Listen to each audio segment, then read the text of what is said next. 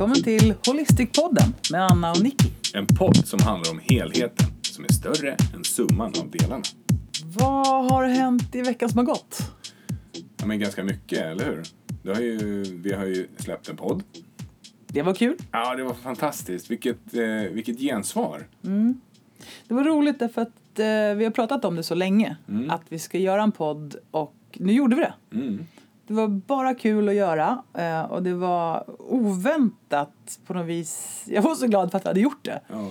Och sen tyckte folk att det var bra dessutom. Dessutom, det ja. var tack för all, alla fina ord och Ja, all, all feedback och alla lyssningar. Ja, verkligen. Så himla, himla, himla roligt. Det var faktiskt jättekul. Ja.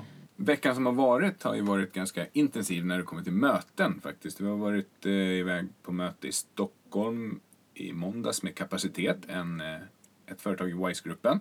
Precis. Och sen så hade jag möte med ICA-gruppen Mm. eh, angående ett eh, kul samarbete hoppas jag på med holistiskt ledarskap. Mm. Och nu sist så var vi tillsammans på eh, möte med kommuncoacherna tillsammans med Arbetsförmedlingen där vi ingår i ett nätverk som nu ska coacha 800 chefer och ledare. Ja, otroligt spännande och stort projekt där man satsar stenhårt på att eh, tillföra coaching för att genomföra förändring på riktigt. Ja, professionella coacher. Och det är ju faktiskt lite smickrande att få vara del av det här nätverket. Vi är 40 stycken som är handplockade för det här uppdraget och det är ju skitkul, tycker Mm. Och vilket otroligt jobb Annika Röckner har gjort med att sätta ihop det här projektet Kommuncoacherna och eh, verkligen få genomslag. Ja, Hon får ju till det här nu. Ja, och jag ska helt ärligt säga att när jag såg den här listan på vad det är som ska göras för att göra upp offentliga upphandlingar så all eloge till Annika. Jag skulle inte ha fixat det. Nej. Nej. Eh, ja, men min, min vecka har ju varit, det är lite annorlunda för mig för jag har ju varit sjukskriven ett tag. Jag hade en spännande höst där jag dels bröt ett nyckelben, vilket jag tycker det gick bra. Mm, det gick ju förvånansvärt bra. Du Ja, men är det ju så himla bra. Jag- stark också. Så att, ja. Jag har ju cyklat i mer än 30 år och inte gjort illa mig på något sätt så det känns som fair and square. Att bryta nyckelbenet. ja, Då har jag det kvar. eh, ja, det kanske du har. Men, men i alla fall, Mm. hur som helst. Jag tycker att det går bra. Liksom. Det, jag rehabiliterar mig och dessutom lyckades jag ju choppa av en fingertopp också eh, Mm. när nyckelbenet började läka. Så, och det verkar också ta sig. Mm. Jag längtar ju efter att få jobba som jag brukar göra, det vill säga träffa patienter varje vecka. Eh, och nu, nu gör jag ju inte det. Nej. Så jag får ju tid över att fundera så himla mycket. Jag skriver en hel del också. Hur är det för dig då? Ehm, blandat, det är både och. Jag, jag, eh, jag uppskattar att få den här möjligheten att fundera enormt mycket och, eh, och skriva en del och liksom ja, men klura på hur framtiden ska te sig, ska jag väl säga. Men samtidigt blir jag rastlös också. Ja. Men det känns ju lite grann som att vi gör saker för att ibland slippa tänka efter och känna. Kan det vara så? Vad tänker du nu? Nej, men jag tänker så här att när man har ledigt, jättemycket ledigt, när det är ofrivilligt framförallt, då kan det liksom bli så här att man, då, då känns det nästan jobbigt att vara ledig. Man vill göra någonting. Ja, men vet du, det är lustigt för att eh, jag har ju varit sjukskriven den här gången och sen så en gång tidigare när jag gick in i väggen med mera. Eh, och det här med när det har varit som mest intensivt i arbetet, när man har i stort sett ibland jobbat från morgon till kväll, så har man gått och flörtat med tanken, tänk om man blev sjukskriven, vad skönt det skulle vara. Är det skönt då? Nej men det är en väldigt barnslig tanke därför att när man väl kommer till det läget att man blir sjukskriven så nej, det är inte, jag tycker inte det i alla fall. Jag tycker inte att det är skönt på så sätt. Ja, men det var lite det jag menade. Man vill ha den där, det där spacet, det vill man ju ha utan att vara sjukskriven. Framförallt så vill man ju ha det utan att det är inte skitkul att den ena axeln inte funkar och den andra handen inte funkar. Man vill ju hellre fungera och vara frisk och glad. Och när jag var sjukskriven för att jag hade gått in i väggen, Mm. då är det ju på förekommen anledning så mår man ju skit och kan ju inte njuta av ledigheten alls. Så att, ehm, Mm. jag tror Mm. att en mix är bäst. Alltså en mix utav att du dels får, om man nu gillar att jobba, det gör ju vi. Ja. Vi har ju lyxen att ha världens roligaste jobb. Ja. Eh, Då är det härligt både att få jobba men också att ha space. Det är det där, Mm. det är det där jädra balansen som vi pratar om. Balans i livet. Ah. Work-life balance. Det låter så fånigt men det är egentligen det vi Fast jobbar det med. det, egentligen om man lyssnar på det så låter det inte alls fånigt. Men det har blivit fånig gjort. Ja men det låter som att jag måste hitta balans. Men Mm. vi har inget konsensus om vad det där balans är för någonting. Men det är väldigt eh, det ligger en prestation i att hitta balansen. Och det är Ja, lätt att man- tänka att nej nu har jag inte balansen. Nu ska jag bli världsbäst på att hitta balans också. Ja exakt. Ja, Så det är lite blivit det är väl ytterligare en sak som vi jobbar med. Att liksom sprida kunskap om Mm. Vad är balans? Kan det vara balans att köra in i ena diket ibland och sen så kommer man upp på vägen och så kör man i nästa dike en stund. Ja, Jag tycker det. Ja, men ja, det ligger någonting i det. Och jag tänkte på det här också när man, till exempel om man har ryggskottspatient, när man jobbar som naprapat. Då, då är rekommenda- rekommendationen alltid att skicka iväg folk till jobbet så fort som möjligt igen. Det vill säga att inte sjukskriva för att skapa det här stigmat av att vara sjukskriven. Nej. För att det, det är ingen som blir friskare av det utan så fort som möjligt som du kan komma tillbaks till jobbet och känna dig mindre sjuk så blir du friskare snabbare. Och vet du, det, det har jag upplevt. Mm. Eh, när jag var sjukskriven för, jag hade ju utmattningsdepression och ångest och panikattacker där. Mm. Det var några år sedan men hur som helst. Mm. Då när jag skulle börja slussa in i arbetet igen Mm. så blev det så tydligt att det var, det var de där stunderna, jag tror jag jobbade tre timmar om dagen. Mm. Och jag blev så förvånad över att wow, det här är ju luckan Mm. i dagen. Det är ju den här, de här tre timmarna när, när man liksom bara är i nuet. Man är närvarande med, med patienterna. Och, ja, det var verkligen det var som en faktor som fick mig att komma tillbaks faktiskt. Häftigt, tänkvärt. Ja, Verkligen. ja det var det. Och det var coolt att få uppleva också för jag blev förvånad på riktigt. Ja. Nu gled vi in på att prata om sjukskrivningar eh, och det är också spännande. Ja, jag tycker vi pratar om, om hälsa och friskhet faktiskt. Mm. Om att bli frisk. Det är sant. Ja. Men du, Mm. på tal om eh, hälsa och att vara frisk och att vara sjuk. Du vill ju så himla gärna berätta någonting om baron von Münchhausen den här veckan. Ja, men alltså det, okej, det blir lite hypat då. Jag ville bara förklara att det finns en person som heter kallades- Heter? Ja, men, okej, hette baron von Münchhausen och att han hade väldigt svårt med det här med att hålla sig till sanningen. Framförallt när han blev eh, onykter. Då, då ljög han och skrävlade om det mesta och det har ju sen gett upphov till ett syndrom som kallas eh, ba- eh, von Münchhausens syndrom. Eller Münchhausen syndromet. Men, men det är inte riktigt samma sak. Utan det jag ville med det där det var ju att liksom förklara den här idén om att vissa människor drar sig inte för att vara oärliga så länge som det gynnar deras egna syfte. Så länge som det uppfyller deras ego. Lite grann så, tänkte jag. Eh, Münchhausen-syndromet Mm. beskriver ju en ytterlighetsform av hypokondri. Mm. Alltså när man är inbildningssjuk. Mm. Vet du vad hypokondri betyder? Inbildningssjuk. Ja, men rent ordagrant.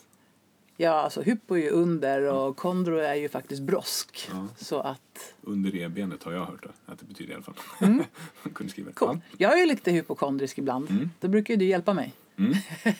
Gör jag det då? Hjälper jag dig då? Jag vet inte, men du brukar finnas där för mig i alla fall Ja, när jag är det- inbildningssjuk. Det hoppas jag.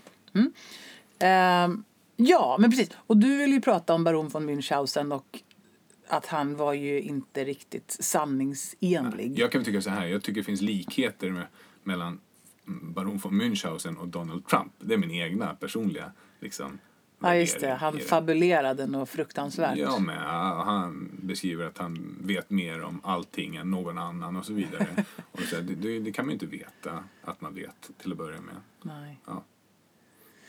Nej, exakt. Vi ska, ju- jag vet inte om vi har sagt om vi ska prata om politik i den här. Nej, det kommer vi väl inte göra, men det är ett Podden. faktum. Det är inte så mycket politik, tycker jag. Men, Mm. På tal om Münchhausen-syndromet då. Mm. där en person inte far med sanning som går att liksom stämma överens med hur det är på riktigt Mm. så tar ju det oss till dagens tema, eller veckans tema, eller poddens tema för idag. Mm.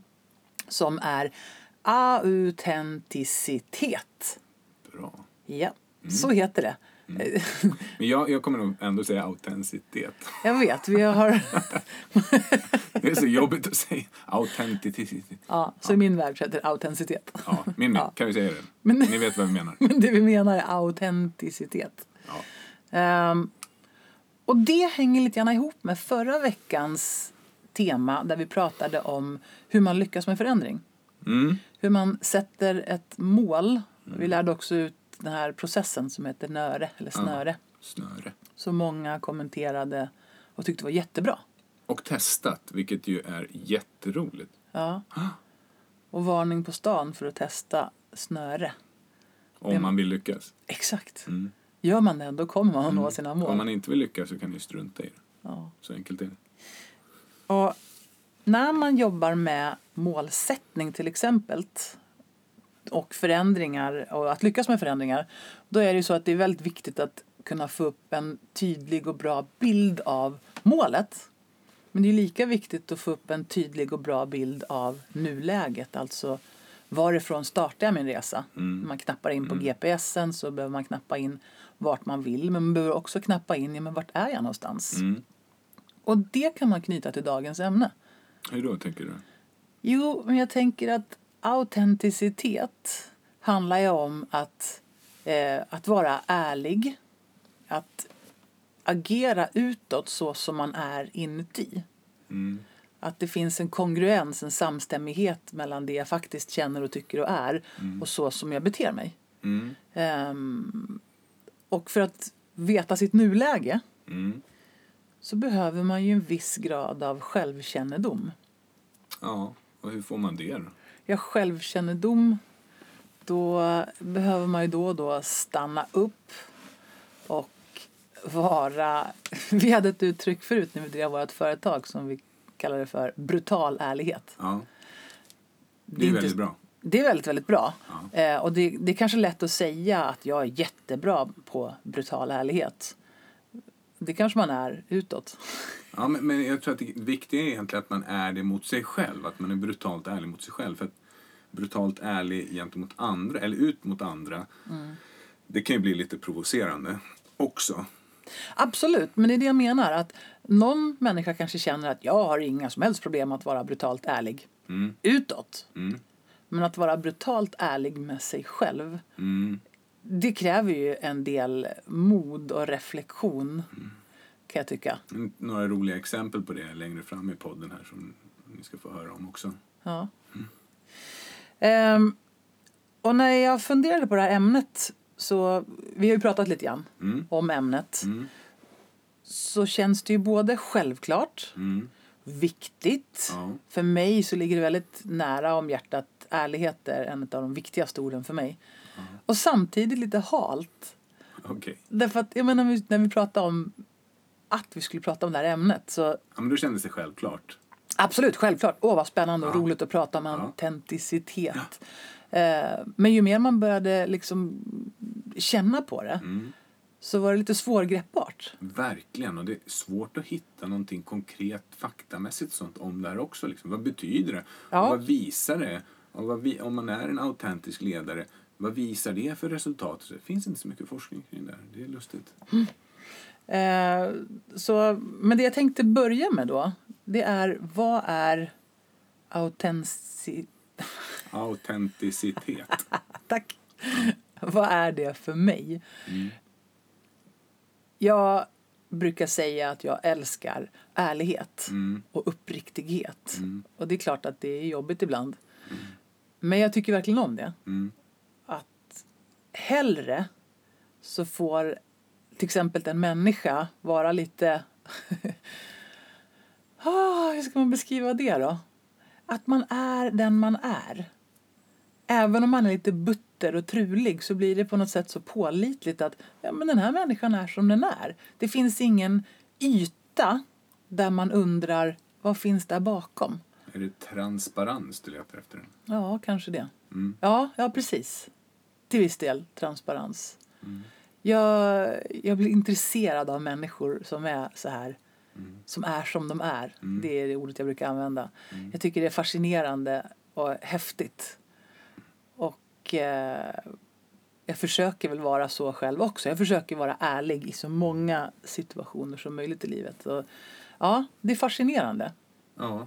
Mm. Och det gäller väl liksom att inte fastna vid att sätta etiketter på människor. Alltså utifrån sina egna tankar kring vad man tycker och tänker. Alltså, utan låta människor få vara de de är.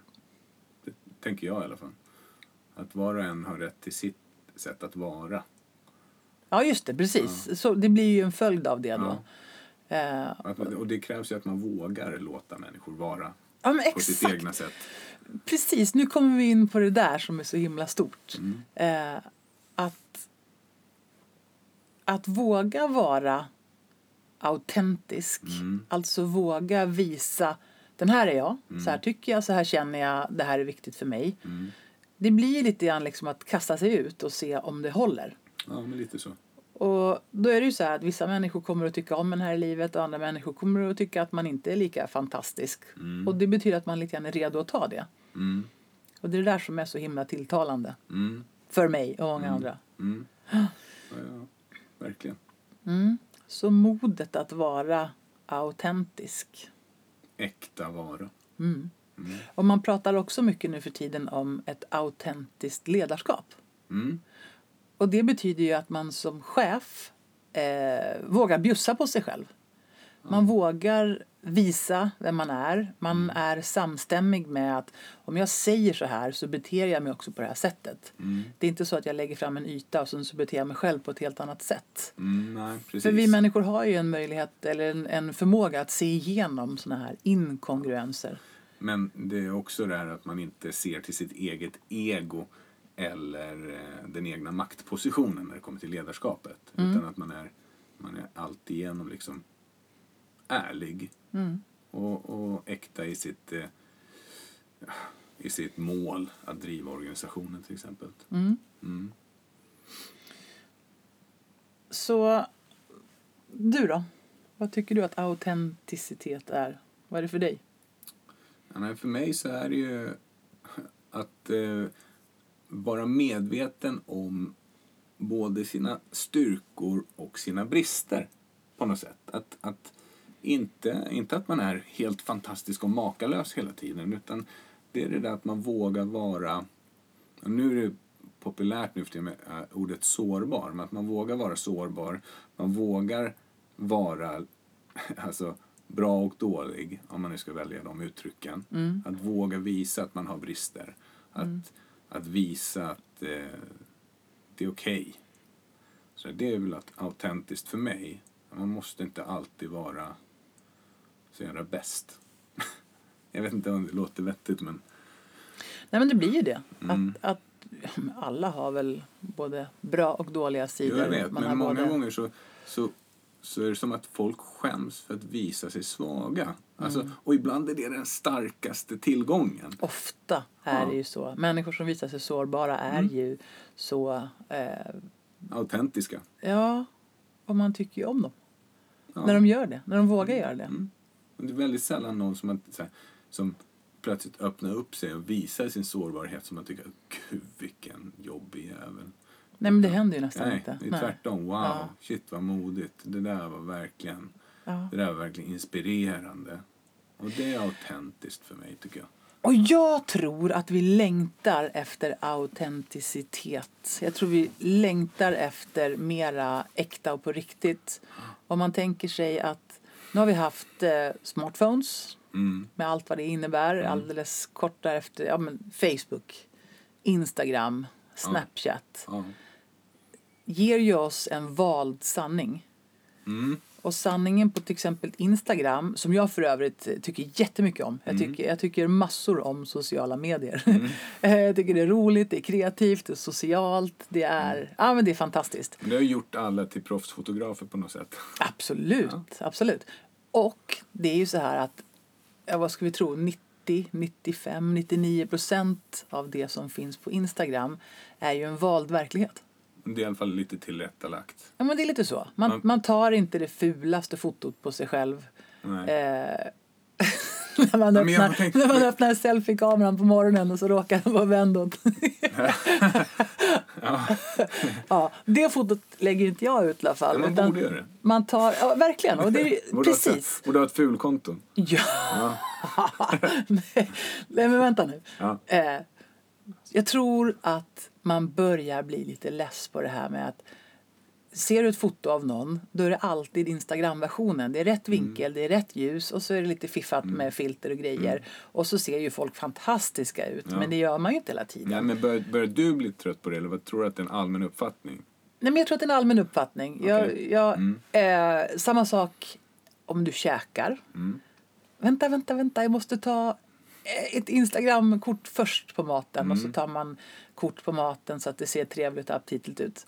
Och i sitt hem. Man fotar är ju lite- inte tvättstugan när den är som fulast. Utan Nej. man fotar det där fina hörnet. Ja, Ja, varför är det så då?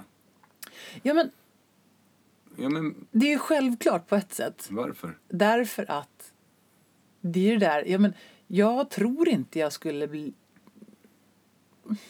Man blir inspirerad tycker Jag jag. tror det skulle kunna hjälpa folk om man tar, man tar ett foto på ens riktigt fula, stökiga tvättstuga. Kolla! This is life. Så här ser det ut för mig också. Då tror jag många skulle dra en lättnad. Så, ah, Gud vad skönt att se. Ja, men självklart, självklart så är det ju så. Ja, alltså, Eh, fattar väl alla att det, det var stökigt precis tio minuter innan gästerna kom och så ligger hälften av alla kläder inknökade i garderoben. Nej, nej, nej, nej, gå inte in i garderoben. Ja, men okej. Då, är- då drar jag min generalisering. Jag tror att det är fler än jag som gör på det sättet. Panikstädar tio minuter innan eh, och sen så ligger det en massa knök. Men du panikstädar ju igen. Ja, det är möjligt. Men i alla fall, du förstår vad jag menar. Absolut. Ja. Och det, det tycker jag också att det är skönt ibland att se. Så vad har det här med autentisk att göra? Det har att göra med att vi är alla, vi har alla en verklighet som vi lever i. Mm. Eh, och jag tror att man kan landa i när, när man känner att ah, fan, det här är på riktigt. Mm. Jag, vet, jag menar när man kommer hem till folk på middag till exempel. Då är det ju oftast det är putsat och fiffat och fint och grejer. Man vill ju ha en fin version av sig själv. Självklart, det är Ja. jätte, jättemysigt. Och någon gång då och då så har vi blivit hembjudna till folk och man ser att de har inte städat ens en minut innan det här kalaset ska börja. Mm. Och det är lite mysigt tycker jag. Det är charmigt. Det är lite nice, man känner sig på något sätt extra välkommen. Det är så här, ja så här är det hemma hos oss, ta, ta mig som jag är. Jag gillar det. Och då är det ju viktigt kanske i det läget, extra viktigt att man inte dömer. Alltså just i det läget man ska komma dit och säga gud, gud vad stökigt det var där. Nej men det gör man ju inte. Nej, jag vet, men det är ju det man är rädd för att folk ska göra. Eller hur? Man tror att folk ska döma en bara för att det inte är sådär fiffat. Men det, det, när det är fiffat, det är då de dömer. alltså det är då Exakt. det blir ja men gud, så... Och det här är så inspirerande tycker jag. Att det är inspirerande att tänka på att man vill bli en mer autentisk upplaga av sig själv. Mm. Jag tycker jag jobbar med det hela tiden nu. Att, vara, ja, men att vara mer bara som man är. Mm. Det, det är nice. Jag tror att man får träna Ja. på det. Våga vara autentisk, våga vara sårbar. Det är inte världens enklaste grej att vara. Nej, det är det ju Så inte. det krävs lite mod. Jag menar, jag, jag kan dra en parallell till mig själv igen då. då för Mm. Jag tycker det är kul. Min pappa som har gjort det bästa han har kunnat med de verktyg han har haft. Han sa vid ett tillfälle sen när jag frågade varför han eh, så sällan ger beröm. Och då sa han så här. Min son, jag ger kritik när jag ser att någonting har gått dåligt. Och när det har gått bra, då är jag tyst. Och det var så här, det, det är så här, ja, det är inte så känslomässigt eh, klockrent tycker jag. Eller hur? Och då, han, jag hade önskat att min farsa var mer sårbar. Det hade varit jättefint. För jag vet att han bär på mycket känslor det skulle ha gjort honom väldigt, väldigt mycket bättre, känner jag. Men är sårbar samma sak som att vara autentisk då? Mm. Den skulle jag nästan vilja slänga ut till lyssnarna alltså. Är det det? Mm. Ja, men ja, sårbar och autentisk.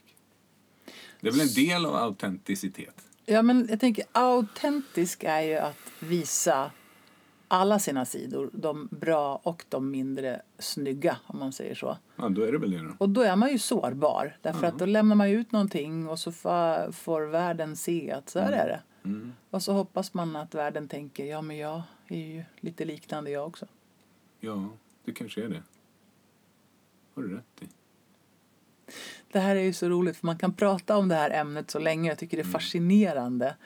Eh, men om vi ska försöka hålla oss på banan lite grann. Mm. Mm. Vart landar vi då någonstans? Jag har ett jättebra exempel Mhm. på att vara på riktigt. Mhm. Och det var ju faktiskt eh, när jag fick upp ögonen för dig. Mhm. Vi träffades på Naprapathögskolan. Mm, det gjorde vi.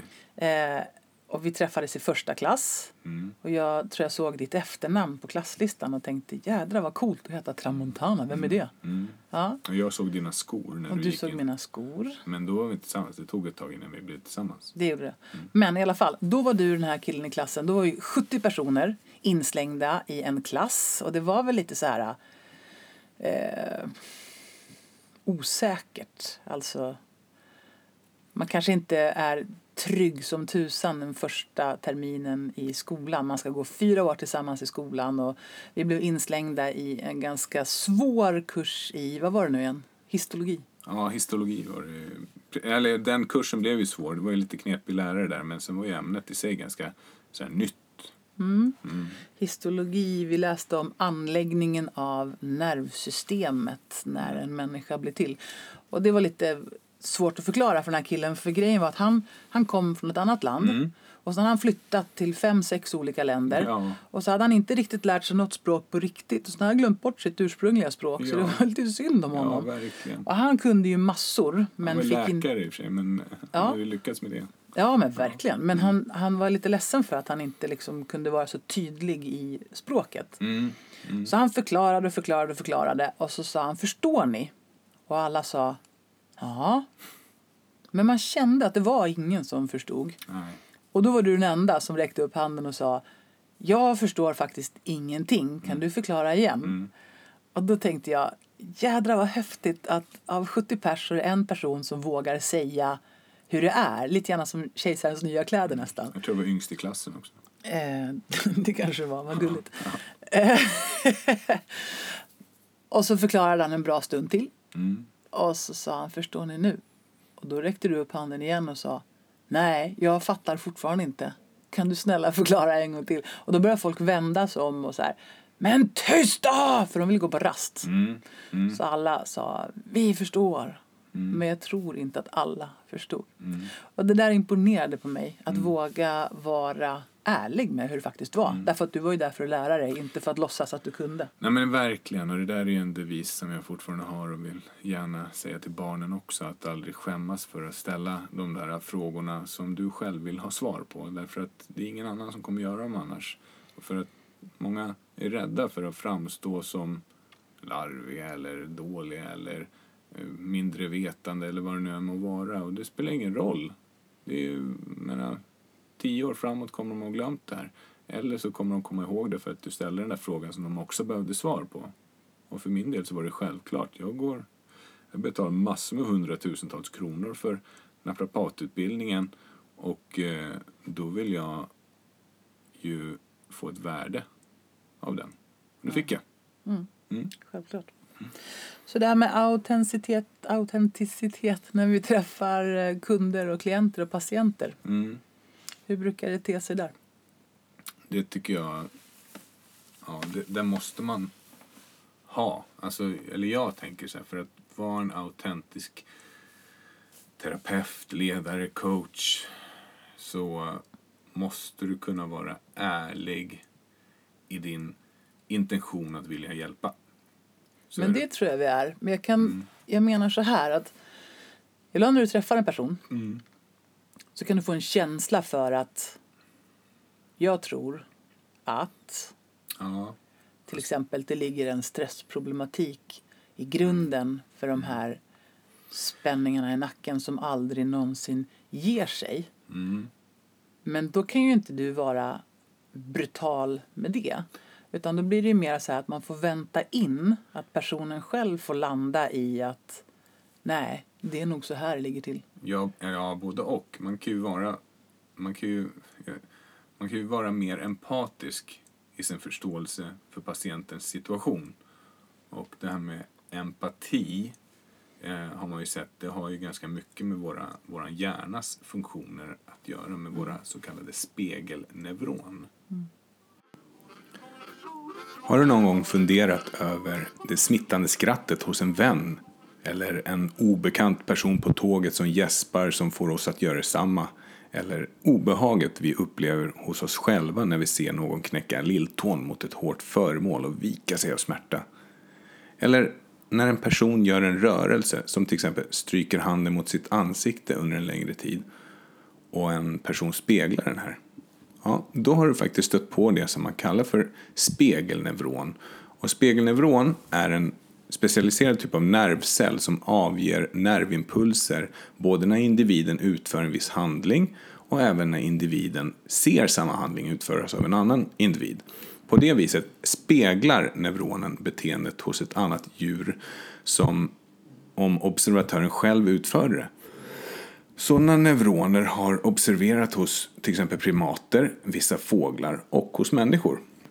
Och hos människor har de hittats långt inne i vår hjärna.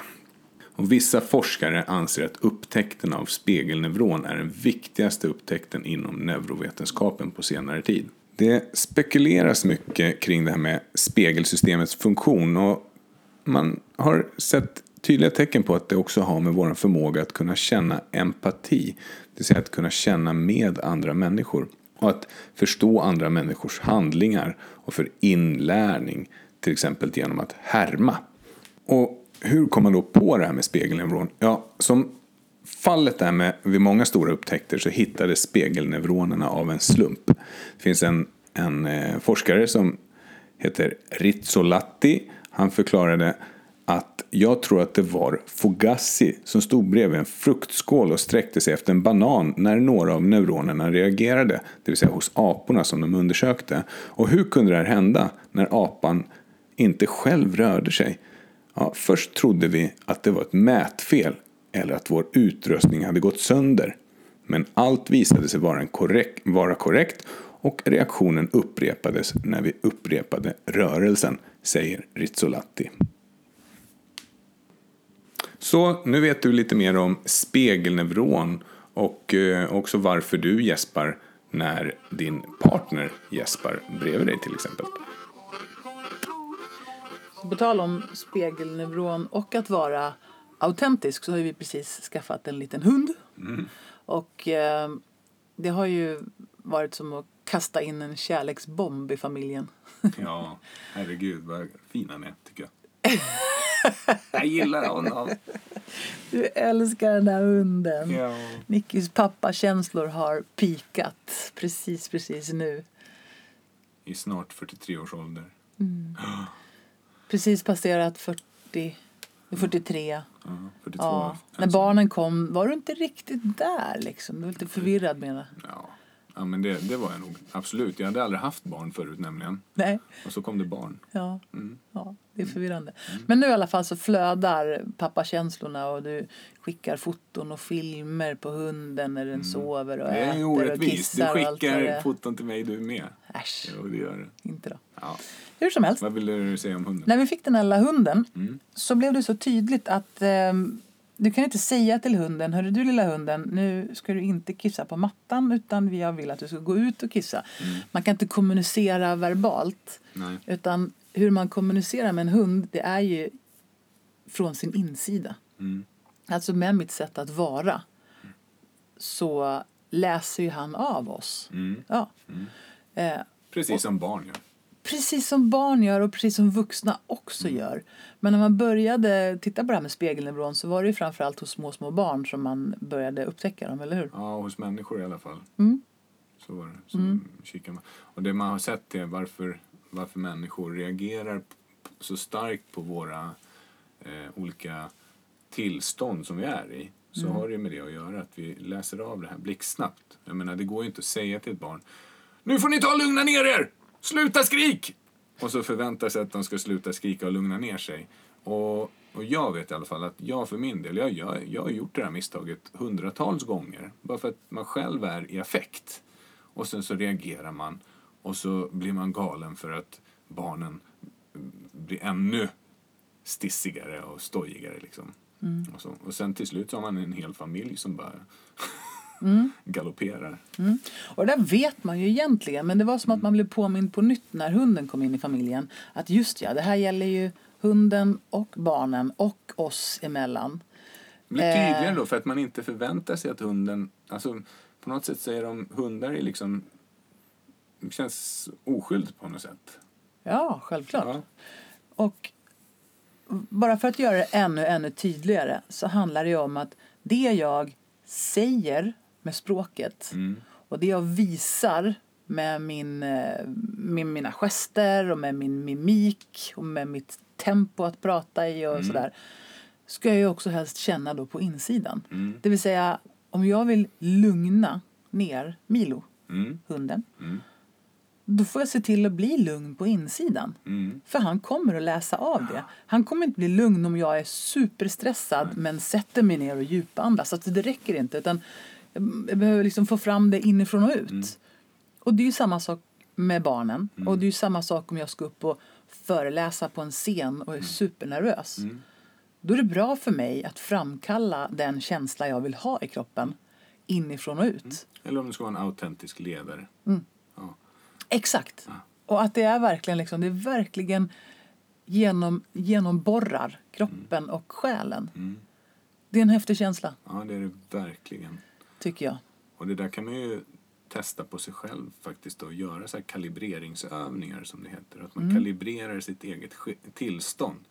Om man känner sig väldigt uppjagad till exempel, att bara ställa sig upp, ställa sig med båda fötterna i marken, känna fötterna, se till så att man känner sig centrerad, att man har tyngdpunkten rakt mellan fötterna ner i jorden, ta ett djupt andetag långt ner i magen, sträck upp huvudet, sträck på kroppen, dra bak axlarna, blunda, sluta ögonen för en stund och bara fokusera tanken. Skönt. Eller hur? Man Ja, bara det lilla är skönt. bara det lilla. Det är ju en eh, träning i närvaro då. Mm. Och nu kallar man det för mindfulness. Mm. Men det är så enkelt egentligen. Liksom, verkligen bara stå i dina egna skor som du brukar säga för en liten stund. Och bara Mm. Och- samla tillbaka tanken. Mm. På tal om att då knyta ihop det vi pratade om förra veckans podd med att göra målsättningar och förändringar. Så pratade vi där om att nästan huvudingrediensen när du vill göra en förändring det är att gå till ett önskat läge och måla upp en bild av vad det är du vill uppnå. Och där kan man göra det också till vissa grader. Man kan göra det bara bildligt. Men du kan också göra det som om du verkligen var där. Som om du verkligen kände de känslorna som du kommer att känna när du uppnår dina mål. Det vill säga att du gör även målbilden så autentisk som möjligt och att det då får en större genomslagseffekt. Mm. Verkligen. Och det, det är ju så, det är ett sätt för att lite grann lura hjärnan att det faktiskt redan har hänt. Och eh, om det har hänt en gång för hjärnan i, i, i tanken då är det bara ett steg kvar. Säga att det ska hända i verkligheten också. Du är ett steg närmare. Coolt. Jag tycker vi börjar få grepp på det här lite hala ämnet på ett ganska bra sätt. Det handlar om ärlighet. Mm. Det handlar om att vara transparent. Mm. Det handlar om att ha kongruens mellan det man faktiskt känner på insidan Mm. och att det får vara det som man också visar utåt. Mm. Det handlar till viss del om sårbarhet. Mm. Ehm, vad har vi mer sagt? Ja, det handlar om att vara öppen och ärlig. Mm. Mm. Just det, och att det finns, för, och vi pratar om det här så tänker man sig att det ligger fördelar i att vara autentisk. Man pratar om att ledarrollen har utvecklats enormt mycket genom åren. Mm. Och att nu för tiden så räcker det inte bara med att ha IQ. Nej. Utan du måste också ha, alltså, EQ. förutom intelligenskvoten så behöver du ha den emotionella intelligenskvoten. Ja. Och även SQ, alltså någon sorts systemintelligenskvot. Mm. Mm. Och genomsyrande för det här är ju att kunna vara en autentisk ledare. Det är en framgångsfaktor. Ja. Och för att kunna vara autentisk så måste du ha självkännedom, Mm. mod, Mm. förmåga att stanna upp och reflektera Mm. och sen förmågan att vara autentisk i ditt ledarskap. Och här gillar jag den här självbildssnurran som Mm. jag brukar ta upp. Och det är, självbildssnurran är så här, nu får ni hänga med. Så som du ser på dig själv så kommer du bete dig mot andra. Man kan tänka sig att det är som fyra fyrkanter bredvid Ja. varandra, eller hur? Så är det pilar emellan. Ja. Och så som du beter dig mot andra så kommer de se på dig. Och så som de ser på dig så kommer de bete sig mot dig. Och så som de beter sig mot dig så kommer du se på dig själv. Så vill du förändra det här på något sätt då gäller det att börja med sig själv och titta på hur, hur, hur skulle jag kunna se på mig själv? Om jag är mer autentisk, om jag är mer nära mina egna värderingar. Hur skulle jag se mig själv då? Och då påverka andra människor runt omkring dig så att deras beteende förändras gentemot dig. Och likaså ditt egna. Och Det är fint. Det är fint. Man pratar om att leva ett autentiskt liv. Mm. Eh, och då var det Anna Kover som sa det så snyggt. Mm. Att det handlar ju om att leva i enighet med sina innersta värderingar. Mm. Och för att göra det igen då så krävs det mod. Mm. Och att motsatsen till ett autentiskt liv enligt Anna Kover skulle då vara att eh, leva på autopilot. Mm. Så där som det lätt blir Mm. faktiskt. Mm. Eh, många av de som jag sitter i samtal med Ja. kommer kanske in och har en känsla av att det skaver. ja, det är ett bra begrepp. Ja, det skaver. Det, det går inte alltid att sätta fingret på exakt vad det är. Och när man då får fundera lite fram och tillbaka och prata och bolla Mm. så finns det en övning som jag brukar göra. Okej, Och jag tänkte bjussa på den övningen här, nu i podden. ja, vad bra. Mm. Kör. Det är så här. Om du funderar på vad som är viktigt på riktigt i ditt liv. Mm. Vad är det för någonting som verkligen betyder någonting för dig? Och för att ställa allting på sin spets så kan man ibland leka med tanken att om du hade bara ett halvår kvar att leva, vad skulle du ägna dig åt då? Vad skulle du göra? Vad skulle du säga? Hur skulle du bete dig? Och då kan man ta och lista en, två, tre, fyra, fem olika saker som man tycker det här är viktigt på riktigt i mitt liv. Okej, så fem saker som är riktigt viktiga. Det vore fantastiskt om man kunde lista fem saker. Det tror jag man kan göra. Mm. Och sen tar vi och går till hur ser ditt liv ut just nu? På vilka saker lägger du mest tid varje vecka? Vecka efter vecka efter vecka. Mm. Vad lägger du mest tid och energi på? Mm. Och här får man gärna vara brutalt ärlig. Det vill säga, hur många timmar lägger jag faktiskt på jobb? Mm. Hur många timmar lägger jag på att älta?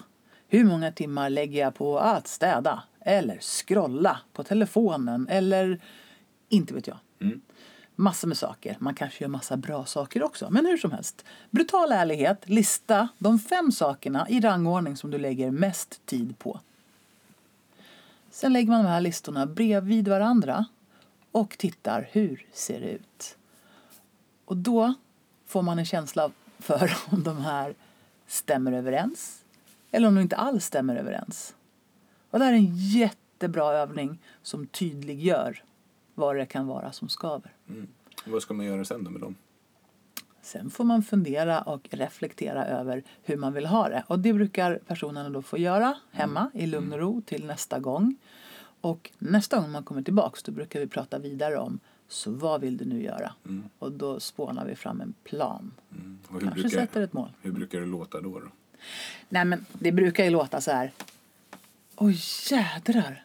Är det, oj, det har inte jag tänkt på. Därför att vanligtvis så, så det man verkligen tycker är viktigt på riktigt är ju oftast då ens nära krets av människor. Oavsett om det liksom är eh, familj med barn eller om det är vänner eller det kan ju vara vad som helst. Men hur som helst, ens nära krets av vänner brukar ligga högt. Att få vara i naturen brukar ligga högt. Mm. Att få resa, att få upptäcka och andra här saker. Mm. Och på den här vad man lägger tiden på-listan, Mm. Där brukar ju jobb hamna väldigt, väldigt högt. Mm. Och även om man älskar sitt jobb så är det trist om man inte får ägna sig åt det som känns viktigt på riktigt. Nej, precis. Så jobb hamnar högt upp på göra-listan även att tyvärr då bara scrolla bort tiden på sociala medier. Jag såg på Idol i fredags. Mm. Där det var han den här pappersbrukskillen som sjöng. Mhm. Jag tror jag visade det klippet för dig. Mm. Ja. Och då, då frågade de här, ja, jag jobbar på pappersbruk i 29 år. Ja, vad är det bästa med det då? Ja, Mm. den, är, den är för att åka hem. Ja, Alltså att lägga 29 år av sitt liv på att få längta hem hela tiden. Mm. Och, och så sjöng han som en gud. Alltså han var ju så sjukt duktig. Mm. Och han hade på vägen fram och tillbaka till jobbet sjungit i bilen. Det var hans skolning liksom. Mm. Det är så häftigt liksom. Vad skulle hända om han hade fått ägna mer av sitt liv till det han så passionerat faktiskt ah, som man brinner för. brinner för? Men det här är någonting som jag brinner för och du också vet jag. Ja. Att få hjälpa människor Mm. att känna mer passion och glädje Mm. varje dag. Därför att det finns ju, helt ärligt så finns det så oändligt mycket att glädjas åt här i livet, i stort och smått. Men ibland är Och- folk inte mottagliga. Och att gå till ett jobb Mm. och bara känna att det är en börda och att det är någonting som tar tid, det är ju inte roligt. Nej. Och det är min absoluta övertygelse att du kan vara kvar på samma jobb men hitta glädjen. Mm. Och du kan också vara kvar på samma jobb och hitta en mycket, mycket bättre work-life balance Mm. Genom att bara reflektera ett tag och göra en plan. Mm. Så kan du hitta en helt annan känsla i livet Mm. som ger det som vi hoppas att folk vill ha mer av. Energi, engagemang, känsla av sammanhang Ja. eller det som man bara kallar för flow. Att bara känna att fasen vad det känns bra på det stora hela. Man kan lägga sig på rygg ett tag och bara flyta med. Ja, Lite skönt. Mm. ja men att känna, ja precis, känna den där bra känslan. Mm. Så det är det vi jobbar med ganska mycket. Och där kommer det här begreppet in tror jag. Ja. Så dagens podd Mm. har ju varit som ett filosofiskt samtal. Ja. Ja. Det har varit lite fakta Mm. om spegelneuron. Det har varit, vi har bjussat på en ganska enkel process som man kan göra. ja, några små grejer också. Ja. Man inte tänkte på kanske. Andningsövningar. Mm. Ja, men precis. Eh, och om man nu känner att det här var spännande och intressant, Mm. vad skulle man kunna göra för att komma igång med att eh, jobba på sin autenticitet? Ja, men, ja, det, där, det där är lite grann upp till en själv. Men man brukar säga att det finns fyra karaktärsdrag hos autentiska människor. Det är nummer ett att de är genuina och självmedvetna. Det vill säga autentiska människor är medvetna om sina fel och brister och visar sitt genuina jag för sina medmänniskor. Eh, och att de agerar på samma sätt hemma till exempel som i andra situationer, till exempel på jobbet. Eh, ödmjuka och att de eh, vill utvecklas. Att man inte är perfekt liksom nå- någonsin. utan Man, går alltid växa. Och nummer två, att de drivs av ett högre syfte och fokuserar på outcome, det vill säga vad som ska komma ut av, av det man gör. Att det ska bli bra. Det där är en sån himla bra sak att då och då ställa sig frågan vad, vad var målet med det här nu igen? Vad var jag gjorde det här för? Det är lätt att fastna i små saker. Mm. Ja, och att det inte är för sitt eget ego eller för en maktposition eller något liknande. Och nummer tre, att man leder med hjärtat. Liksom att man är, eh, att man lever sitt liv genom hjärtat. Att autentiska människor använder både hjärta och hjärna och inte är rädda för att visa sina känslor. Att man kommunicerar tydligt och med empati.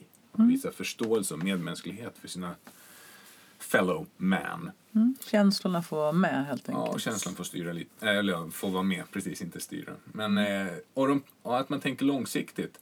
Eh, autentiska människor vet att det tar tid att utvecklas och att, att de inte är rädda för att tänka långsiktigt. Eh, även om det inte känns bra för stunden så kanske man ändå gör det för att det kommer bli bra på lång sikt. Och sådär. Man vågar stå fast vid det.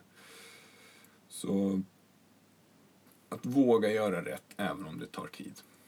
Så det är fyra stycken saker. Mm. Det är fyra stycken ledord som man kan bli inspirerad av om inte annat. Mm. Jag tycker det är otroligt spännande och inspirerande. Och eh, jag tar med mig det här ledordet mod. Mm. Därför att det går som en röd tråd genom det här tycker jag. Mm. Att vara modig nog. Mm. Att eh, vara autentisk. Att vara på riktigt. Mm. Bra. Tycker jag får avsluta hela den här podden faktiskt. Yes! Men vi ser fram emot nästa vecka, visst gör vi? Alltså, det blir jättekul. Ja. Fy fasen. Då Ha en på en. eh, riktigt bra vecka nu allihopa så hörs vi snart igen. Woho! Hej då! Hej då! Och om ni vill följa oss så finns vi på sociala medier på formholistic på Instagram eller på formholistic på Facebook. Eller så kan ni söka upp på vår hemsida www.formholistic.com Holistic med C i slutet, .com.